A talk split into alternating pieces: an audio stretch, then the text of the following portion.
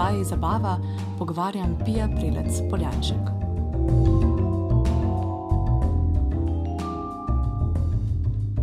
O knjigah in pisanju sem se pogovarjala s Katijo Stojič, avtorico na www.student.si.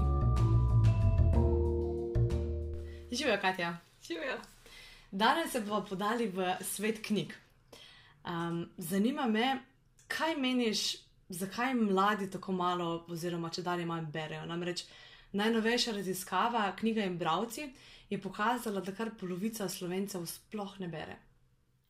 Ja, pri mladih se mi zdi, da gre predvsem za ta problem, da nimajo dovolj zmožnosti koncentracije. Se pravi, veliko lažje je, ko prideš domov z faksa, samo odpreš računalnik in pogledaš svojo najljubšo serijo. Da ti prebereš knjigo, rabiš veliko, rabiš v bistvu vložiti veliko več truda. Tako da, itak smo mladi že tako preveč premenjeni z vsemi stvarmi in si mi zdi, da je glavna, glavni razlog, zakaj mladi ne berejo ravno v tem, da enostavno jim je težko se usest, se umiriti za tisti čas, ker tudi to je dosti pomembno in pač vse svoje misli fokusirati samo na knjigo. Um, druga, drug problem se mi zdi pa tudi ta dostopnost knjig. Se mi zdi, da predvsem v srednjih šolah nas toliko dobesedno silijo v branje tistih obveznih knjig, ne, naprimer, ne vem, zločin in kazen, hm, ki pač ja. roke na srcu niso najbolj atraktivne. Mogoče smo takrat tudi še malo premladi, da bi take knjige dejansko razumeli, lahko to, kot če jih beremo, ne vem, pri 30 letih. In ko se pogovarjamo z drugimi, v bistvu velik, pri velikih ljudeh je prisotno ravno to, da jim učiteljice zagnusijo branje. In da si mislijo, da ja, vse sem probal brati, ni mi bilo všeč, pač ne maram zdaj tega. Ne? In tudi sami ne vložijo dovolj truda v to, da bi našli knjige, ki so jim pa lahko mogoče všeč. Uh mhm. -huh. mm, no, ampak kljub tej časovni potratnosti, ki si jo prej omenila, uh mhm. -huh. um, da nam knjige res vzamejo precej več časa kot recimo pridobivanje informacij z novodobnimi tehnologijami. Um, pa dejansko obstajajo neke prednosti v branju, v klasičnem, dobrem, starem branju, katere bi ti izpostavila? Ja, prva stvar je definitivno to, da se ti izboljša spomin. Ker če bereš knjigo, se dobesedno spremenja način tvojih možganov. Ker eh, v bistvu neuroznanstveniki so prav preučevali, kako naše oči potujejo, recimo po strani knjige, in knjigo beremo v obliki črke Z, to se pravi, da pač prvo, prvo poved preberemo, pa tudi naprej, ker dobro sledimo, in pa zadnjo najbolj. Medtem, če recimo bereš na spletu, bereš v obliki črke T, kar pomeni, da prva stran, prvi mm. odstavek, če prebereš, potem naprej pa samo preletiš. Tako da prva stvar je to, ja, koncentracija in pa da se izboljša spomin. Druga je seveda, da pridobiš na besednem zakladu, se pravi, da se znaš. Uh, bolje izražati, seveda je tukaj tudi pomembno, kakšne knjige bereš. Mm -hmm. Ker če bereš, ne vem, pa ne da je ki narobe, recimo z otroškimi knjigami, vse je v redu, ampak če bereš neko bolj, pa ne ravno bolj resno literaturo, ampak literaturo bolj odraslo, mm -hmm. seveda pridobiš na besednem zakladu, potem veliko predvsem pridobiš na empatiji, ker s knjigami v bistvu se moraš živeti v čustva in v misli neke druge osebe, tako da predvsem na tem pridobiš, ne, da se v bistvu sploh lahko uživiš v nekoga drugega in da ne misliš samo na sebe. Seveda se tudi razširja tvoja domišljija, ker recimo, če gledaš ti samo televizijo ali pa serije, je vse zate že narejeno in ti samo gledaš. Oh, ja. Tukaj moraš pa v bistvu ti v svojih mislih ustvariti cel svet. In nekateri tega ne morejo. Ne? Z mhm. začetka ne, zato tudi ne marajo brati, ker sploh ne vidijo tega sveta, tega filma pred sabo. Ampak to se vse da naučiti, v bistvu navaditi, ne samo pač ustrajati, treba. Uh, in potem je v bistvu tvoj ta notranji svet doživi neko razsvetljenje in tvoja domišljija se začne graditi, in je v bistvu prav zanimivo, kakšni svetovi lahko obstajajo v tvojih glavah. Wow. Um, Sen se nisem predstavljala, da je to prednosti. No. Um, kaj pa ti trenutno bereš? Jaz trenutno berem tri knjige. Naenkrat. Naenkrat. Wow. Ja, ja. torej imaš zelo dobro razvito sposobnost te imaginacije. In... Ja, res je. Ja. Čeprav zmer gledam, da recimo, če berem tri knjige, da je vsaj ena poljudna, se pravi, da ni nek roman, pa uh -huh. da Mhm. niso isti žanri naenkrat. Uh -huh. Tako da zdaj, zdaj, naj, zdaj berem uh, knjigo v angleščini, ki se ji reče uh, Strangers, Names for the Sea, Strangers in Iceland, kjer je v bistvu stvarna literatura o ene uh, britanske pisateljice, ki je za eno, za eno leto se s svojo družino preselila na Islandijo. In v bistvu je zelo zanimivo, ker opisuje, kako je islandska kultura popolnoma drugačna od britanske. Ne? Recimo, so, um, tam ne obstaja trga, kjer bi lahko kupil rabljene stvari. Pač oni kupijo, če hočejo nove, kupijo nove, da stare stvari enostavno odvržejo stran. Um, recimo, tudi veliko bolj so vraževerni, pač seveda tam, že če zgodovinsko gledamo, ne, imajo pa so bili tako oddaljeni od recimo druge celine, dru, celinske Evrope, da imajo popolnoma svoje verovanja in so ja, precej vraževerni, ker recimo mogoče mi nismo, ne, Mhm. se ti ne zdi. Um, pa tudi tam v bistvu, ona recimo uči, je predavateljica na fakulteti, grejo študenti precej kasneje na faks. V bistvu mi, recimo, predvsem ta zahodni svet, pač verjamemo, ja, najprej narediš faks in potem dobiš službo in potem si misliš družino. ne. Mhm. Tam pa ne pa pravijo, ja, pa zakaj bi čakal, itak je pa vse slabše, ne tudi za ženske bolj da prerodi in v bistvu tako da ponavadi, seveda, če imajo, ne vem, partnerje, najprej ja, naredijo srednjo šolo, pa se poročijo, imajo družino in kasneje začnejo kariero, ker si mislijo, da se Hmm. takrat imam čas. Zakaj bi jaz prekinil s kariero, da bi lahko imel otroke, če lahko to prej naredim. In recimo bila ona tudi presenečena, ker je imela pač precej starejše študente. ne. V Angliji pa seveda vsi grejo študirati z 18 leti. Ja, tako kot pri nas. Ja. Zanimivo. Tako da to je ena uh Mhm. -huh. knjiga, ki jo berem, druga um, se imenuje Traitor's Blade, je v bistvu fantastika, uh, kot neka verzija treh mušketirjev, no, samo da je Mhm. malo drugače opisano. In sicer uh, to poslušam na audio knjigi. Um, in je zelo zanimivo, ker recimo audio knjige ponavadi večinoma so vse, uh, jih bere ženska, tukaj je moški. Uh, verjetno zaradi tega, ker so prepovedovalec moški. Mhm.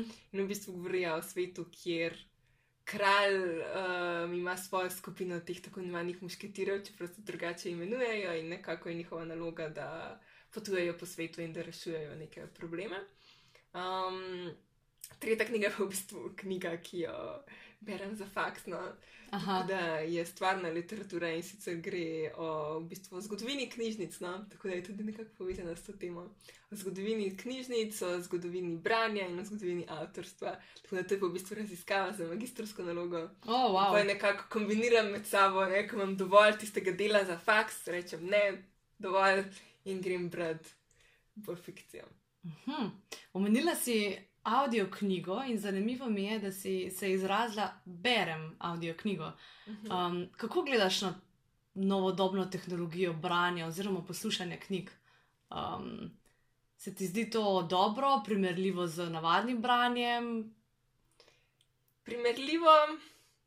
Ja, v, v enem smislu mogoče ne, še vedno vlagaš veliko manj truda, gre za bolj pasivno uh Mhm. -huh. obliko branja, še vedno pa je branje. Uh Mhm. -huh. Zakaj ne bi pač ti konzumiral knjige na vse načine, na vse načine? Ne? Veliko lažje je poslušati knjigo, ker recimo, če hodiš na faks, ali se voziš z avtobusom, enostavno da slušalke v ušesa in lahko poslušaš. Dobro je, ker lahko delaš tudi druge stvari, naprimer kuhaš, Mhm. pospravljaš, karkoli, greš na sprehod, tako da je odlično. Ne? Itak smo vsi vezani na ta multitasking, ko želimo in moramo čim več stvari narediti hkrati. Tako da je to odličen način. Je pa tudi pač tako, da recimo za tiste, ki imajo vem, kakšne probleme z branjem, disleksijo, naprimer, je odlično, ker lahko pač enostavno poslušajo knjige. Ne? Tako je tukaj so velike Oh, super, ja. prednosti.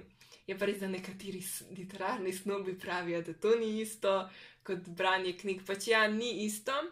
Um, se mi zdi, da veliko hitreje zgubiš pozornost, um, tako da se ne smeš preveč zgubiti. Je pomembno, da paziš, kaj ti zraven delaš. ne. Mhm. Recimo, ne vem, če kuhaš, pa da zraven kaj prehitro začneš razmišljati, ja, kaj pa če moram tam dati vem, preveč soli, se lahko zgubiš. Ja. Mhm. Ampak še zmeraj gre pa za obliko branja, ki je, jaz bi rekla, da je enako vredna branju. Okay. Pač naj samo, da ti konzumiraš knjigo in da v tem uživaš. Super. Um, zdaj smo veliko v branju, ampak ti pa nisi samo bravka, ne? Mhm, tako je. Kaj mi lahko poveš o tem? V bistvu sama tudi pišem, že ena moja kratka zgodba in odlomek iz romana sta bila objavljena v um, reviji Mentor. Ena v bistvu že, ko sem bila v srednji šoli, druga potem, ko sem bila na fakulteti. Uh, sama najraje pišem fantazijsko literaturo, ker to tudi najraje berem Uh -huh. in mi je uh, nekako to najbližje. Sem pa tudi napisala že cel roman, ki pa še ni objavljen. Mm. Sem ga sicer že poslala na literarno tekmovanje, potem nič ni bilo iz tega, tako da razmišljam, da bi kar zaobjela tradicionalno založništvo in sama objavila. Če ne drugega, vsaj v obliki elektronske knjige, ker je danes to veliko lažje in predvsem veliko cenejše. Um, sem pa tudi veliko v bistvu sodelovala na raznih literarnih delavnicah v Sloveniji. Žal, nimam tako dobrih izkušenj glede tega, se mi zdi, da pač v tujini recimo kreativno pisanje, kot, ne samo kot tečaj, kot študij, že veliko bolj uveljavljen. Recimo imaš magistrske programe iz kreativnega pisanja, kjer ti predavajo prav pisatelji, pa recimo ljudje iz stroke, ne vem, knjižni kritiki. Um, ali pa naprimer založniki. Medtem ko pri nam sicer se je nekaj govorilo o tem, nek namen je bil, da bodo ustanovili magistrski študij kreativno pisanje na univerzi na primorskem, pa potem nič ni bilo iz tega. Verjetno ne zaradi pomankanja zanimanja, ampak ker ne bi bilo dovolj predavateljev. Um, so pa pač ja, tečaji kreativnega pisanja, sama sem bila tudi na parih, sicer nisem imela najboljših izkušenj. Se mi zdi, da nekje predavatelji niso bili dovolj pripravljeni in sami niso vedeli, recimo, kaj bi z nami počeli. Nekje pa recimo je bilo zanimivo, ampak v slovenskem prostoru velja nek literarni snobizem. Recimo, jaz, če pišem fantastiko, to nekako gledajo, kot da je manj vredno, ne? da vsi moramo pisati ne? neke tragedije in neko realne stvari, ampak realno gledano ljudje tega ne marajo brati. Ne? Večinoma ljudi berejo kot obliko eskapizma, mm -hmm. da bi v Mhm. bistvu uživali v tem in da bi pobegnili iz svojega realnega življenja. Tako Da zaenkrat sicer nimam nekih dobrih izkušenj, ampak je pa dobro vseeno, lahko tudi doma delaš vaje za kreativno pisanje, se tih vaj imaš na spletu ogromno in to, da se v bistvu malo preizkušaš, da se tudi zabavaš s tem. Ker pisati roman, to je težko delo. ne. In seveda vmes, ko pišeš, ti ne samo da ti zmanjka idej, ampak zmanjka, zmanjka ti zagona. In zato je Mhm. takrat dobro, kakšne vaje narediti. No, tako da to res priporočam. Če kdo piše, naj vmes kakšno vajo naredi, um, nekako da malo narediš ta brainstorming, dobiš kakšno novo idejo. Okay, torej, tebi pri pisanju pomagajo predvsem vaje. Ja. Kaj pa še počneš, ko izgubiš fokus? Um, vem. Um, Če izgubim fokus, recimo, če pišem nekaj daljšega, knjigo, mi pomaga, da recimo napišem kratko zgodbico, uh, stališča kakšne druge, drugega junaka, ali pa neko kratko zgodbico, ki se dogaja pred knjigo. Tako da še vedno je pač povezan s tem projektom, ni pa tako dobesedno. ne. In mogoče dobim kakšno dodatno idejo, da bolj osvetlim ta svet, uh, v katerega sem postavila svojo knjigo. Uh, Knjiga, ki si jo napisala, obsega koliko strani? Je dokončana? Ja, knjiga je dokončana, v, bi rekla, da je na 300 do 400 strani, če bi jo dejansko šla tiskat. Wow. Uh, Vzelo ti je koliko časa? Uf, kar par let. Bi rekla, začela sem jo v srednji šoli pisati kar ene tri leta. In potem nekje med prvim in drugim letnikom faksa, poleti sem rekla, da sem iz tega in hočem to dokončati. In sem se spravila in v tistih treh mesecih počitnic sem jo dokončala. Sicer pa kasneje sem šla še malo izboljšati, ne, Mhm. ker vedno je pač tisti prvi osnutek, ga moraš pustiti, da zadiha, da se ti nekako umakneš od tega in potem čez par mesecev greš nazaj in pa po- popravljaš. Kaj se ti pa zdi glede slovenske ponudbe knjig in obratno tudi tisti, ki nam ponujajo knjige, ali misliš, da se lahko preživljaš s tem v Sloveniji? V Sloveniji s pisanjem zelo, zelo redki se lahko s tem preživljajo. Uh -huh. Pač to je res žalostno, ampak enostavno naš trg je premajhen. Če gledaš, kakšni so nakladi knjig, ne, če imaš par tisoč, to je že knjiga velika uspešnica. Mm. In tudi vem, da so v bistvu avtori, morajo plačevati zelo visok davek mm -hmm. na svoje avtorske pravice, tako da že tukaj jim država odzame kruh, da besedno. Tako da nažalost tem se ne moreš. Lahko recimo pišeš, ampak ne samo svoje knjige, da recimo temu se v angleščini reče ghostwriting, da pišeš knjige za druge, mm -hmm. ali pa da zraven še učiš, prevajaš, lekturiraš. Tako da moraš biti multipraktik. Tako je, multipraktik tako kot na drugih področjih kulture. Um, Nažalost, se mi zdi tudi ponudba knjig v Sloveniji bolj slaba, čeprav se tudi izboljšujejo. Uh -huh. Pač veliko je tudi ponudbe angliških knjig, recimo ti glavne založbe, glavne knjigarne, tudi v Sloveniji vse več angliških knjig prodajajo. Je pa tudi to, da pač, če si ti v Ljubljani, imaš velik dostop do teh knjig, ne recimo pač konzorci, ogromna knjigarna, nekaj se najde za te. Če si pa nekje, ne vem, na primorskem ali pa kakšna štajerska, je že pa težko, ne, v bistvu. Mm. V fizični knjigarni ti težko dobiš knjige, recimo, če govorimo o tujih knjigah, moraš vse naročiti preko spleta. Je pa tudi tako, da to, kar se pri nam prevaja, ne, je pač treba priznati, da se veliko knjig prevaja za mudo. Se pravi, če ti znaš v angliščini brati, svet. Zakaj bi čakal? Ja, zakaj bi čakal prevod? Izjema so seveda na največje uspe, uspešnice, pa še to dobiš, ne vem, par mesečno zamudo. Uh -huh. um, pa še jaz, seveda, tako je, ne, žal. Tako da je zelo velika prednost, če znaš, ker še tu jezik, predvsem angliški. Takrat se ti odpre cel svet. Ko vidiš, koliko knjig obstaja in da vse to lahko prebereš, ker seveda lahko tudi v tujini kupuješ knjige, uh, ne vem, preko bralnikov, Res, mislim, da to je kar prednost, ko imamo mladi, da res ja. um, znamo angliš, angliško, no, po večini. Um, a bi izpostavila kakšne knjige, ki jo jih mora prebrati vsak študent? Ja, zdaj tri so take, ki sem jih izbrala, da so res čudovite. Um, prva je v bistvu gre za stvarno literaturo, ampak, ampak je zelo dobra, bere se kot roman. Um, naslov je Educated, oziroma izobražena od Tere Westover, ona je v bistvu ameriška pisateljica in ona opisuje svoje življenje, ki je bilo tako zelo nekonvencionalno. In sicer ona se je rodila v zelo verni družini. Um, ko se je rodila, ni imela rojstnega lista, ni na mama, sploh ni vedela, točno na kateri dan se je rodila. V bistvu so živeli čisto izolirani od sveta. Um, mislim, da je bilo ene pet otrok v družini, uh, vsi so se rodili doma, so najstarejši, so sicer imeli rojstni list, no, najmlajši niso več, vsi so se doma šolali, doma delali. Uh, kasneje je ona v bistvu ugotovila, da je njen oče imel bipolarno motnjo, ker je bil paranoičen in je verjel, da se bliža konec sveta. Zato se je družina stalno na to pripravljala, se pravi, da se ne vem pripravljali zaloge hrane, zaloge orožja, in tudi v bistvu ni noče je verjel v te teorije zarote, se pravi, da jih država nadzoruje, zato tudi doma niso smeli imeti interneta, to ne obstaja, računalnik, telefon, nič od tega, v bistvu so delali kot na nekem odpadu, kjer so zbirali kovino in jo prodajali. Mama se je na to preživljala kot um, babica, se pravi, da je v bistvu pomagala ženskam roj, uh, rojevati. In če je prišlo do kakšne poškodbe, to niso šli zdravniku, ni šans. Recimo nekje opisuje, ko so doživeli prometno nesrečo in so dobi, tako zelo, zelo hude poškodbe dobili. Recimo njena mama je imela modrice po celem obrazu, zelo hude nevrološke težave. Ne, ne grejo k zdravniku.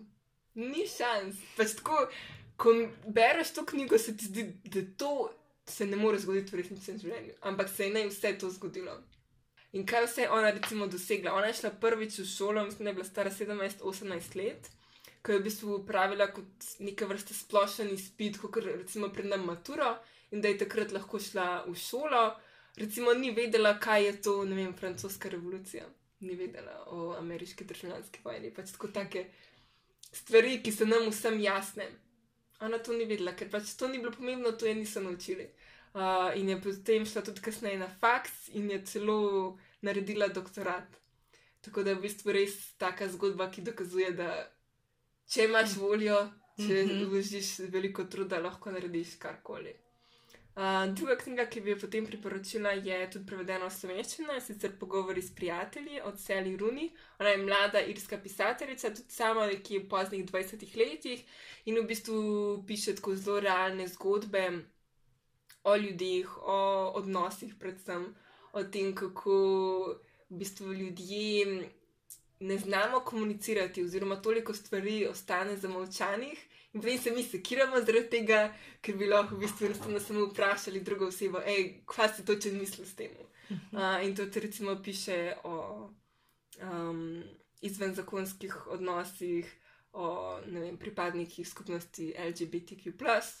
In na to zelo tak naraven način, recimo tudi vmes piše pač v knjigi, ni samo besedilo, so tudi maili, so tudi SMS-i, se pravi, res se spusti na to raven komuniciranja danes. Ker je tako mladi, kaj komuniciramo večinoma po SMS-ih. Je kdaj, da se pokličemo po telefonu in pa se pogovorimo. Uh, zdaj, ta tretja je pa za, v bistvu gre za zbirko novel, se pravi, gre za res kratke romane, fantastične romane je pa ena ameriška pisateljica, ki je ime Shannon Maguire in sicer njena zbirka se imenuje Wayward Children, to je pa za vse oboževalce Harry Potterja obvezno branje. obvezno branje. Uh, te zgodbe so med sabo povezane, so res kratke, na 100-200 strani, tako da se jih hitro prebere in v bistvu govorijo o eni šoli, kamor. Uh, v bistvu grejo otroci, ki so nekoč že bili v tej tako imenovani deželi, ti fairyland, no, deželi vil, ti čarobni deželi. Ne? Kot recimo, če bi Alica v čudežni deželi padla v to čudežno deželo, se vrnila in kaj bi potem naredila. Ne more se aklimatizirati v, svet, v ta realni svet, ker ve, kaj vse obstaja, in zato te otroke v bistvu njihovi starši pošljajo v to šolo, kjer se lahko med sabo kot neka podpora in da v bistvu vsak med sabo pove, kaj je doživel, ker tudi teh svetov več obstaja. Mhm. Recimo je en svet, ki je kot neko podzemlje, um, imaš um, svet, ki je vem, vas. Um, Zgrajen iz teh nekih lizik, oziroma nekih slaščic, -hmm. tako res, da mišlija na vrhuncu. Uh, in tudi te knjige so zelo odlične, ker je veliko predstavnikov LGBTQ skupnosti, recimo aseksualnost, transseksualnost, biseksualnost. No, tako so z tega vidika zelo odlične. Kaj pa kaj v slovenskem prostoru? Bi lahko izpostavila kakšno knjigo, da te je mogoče malo navdahnila, pripričala? Ja, v slovenskem prostoru bi izpostavila Noč v Evropi od Polone Glavan ponovno kratek roman, tako da ti ne vzame veliko časa, da ga prebereš, ne 200 strani. In sicer se cela knjiga odvija na nočni poti vlaka, ki pelje, mislim, da iz Pariza v nekam v Rusijo. V bistvu spremljamo pet različnih karakterjev, izmed njih tudi ena slovenka, v bistvu so to mladi evropejci, ki potujejo po Evropi, ne ta backpacking in vsak ima svoje probleme. En se srečuje z ljubezenskimi težavami, drug ima težave doma, tretjega ne vem, skrbi, kako bo končal faks. In je zelo tak roman, s katerim se lahko vsak poistoveti. No. V enem liku boš našel nekaj, um, ki te bo nekako navdihnilo, da se boš z njim poistovetil, da se boš tudi nekaj naučil. Super, Katja, mene si navdahnila. Uh, hvala, ker si bila z nami. Ja, hvala za povabilo. In se slišimo prihodnjič.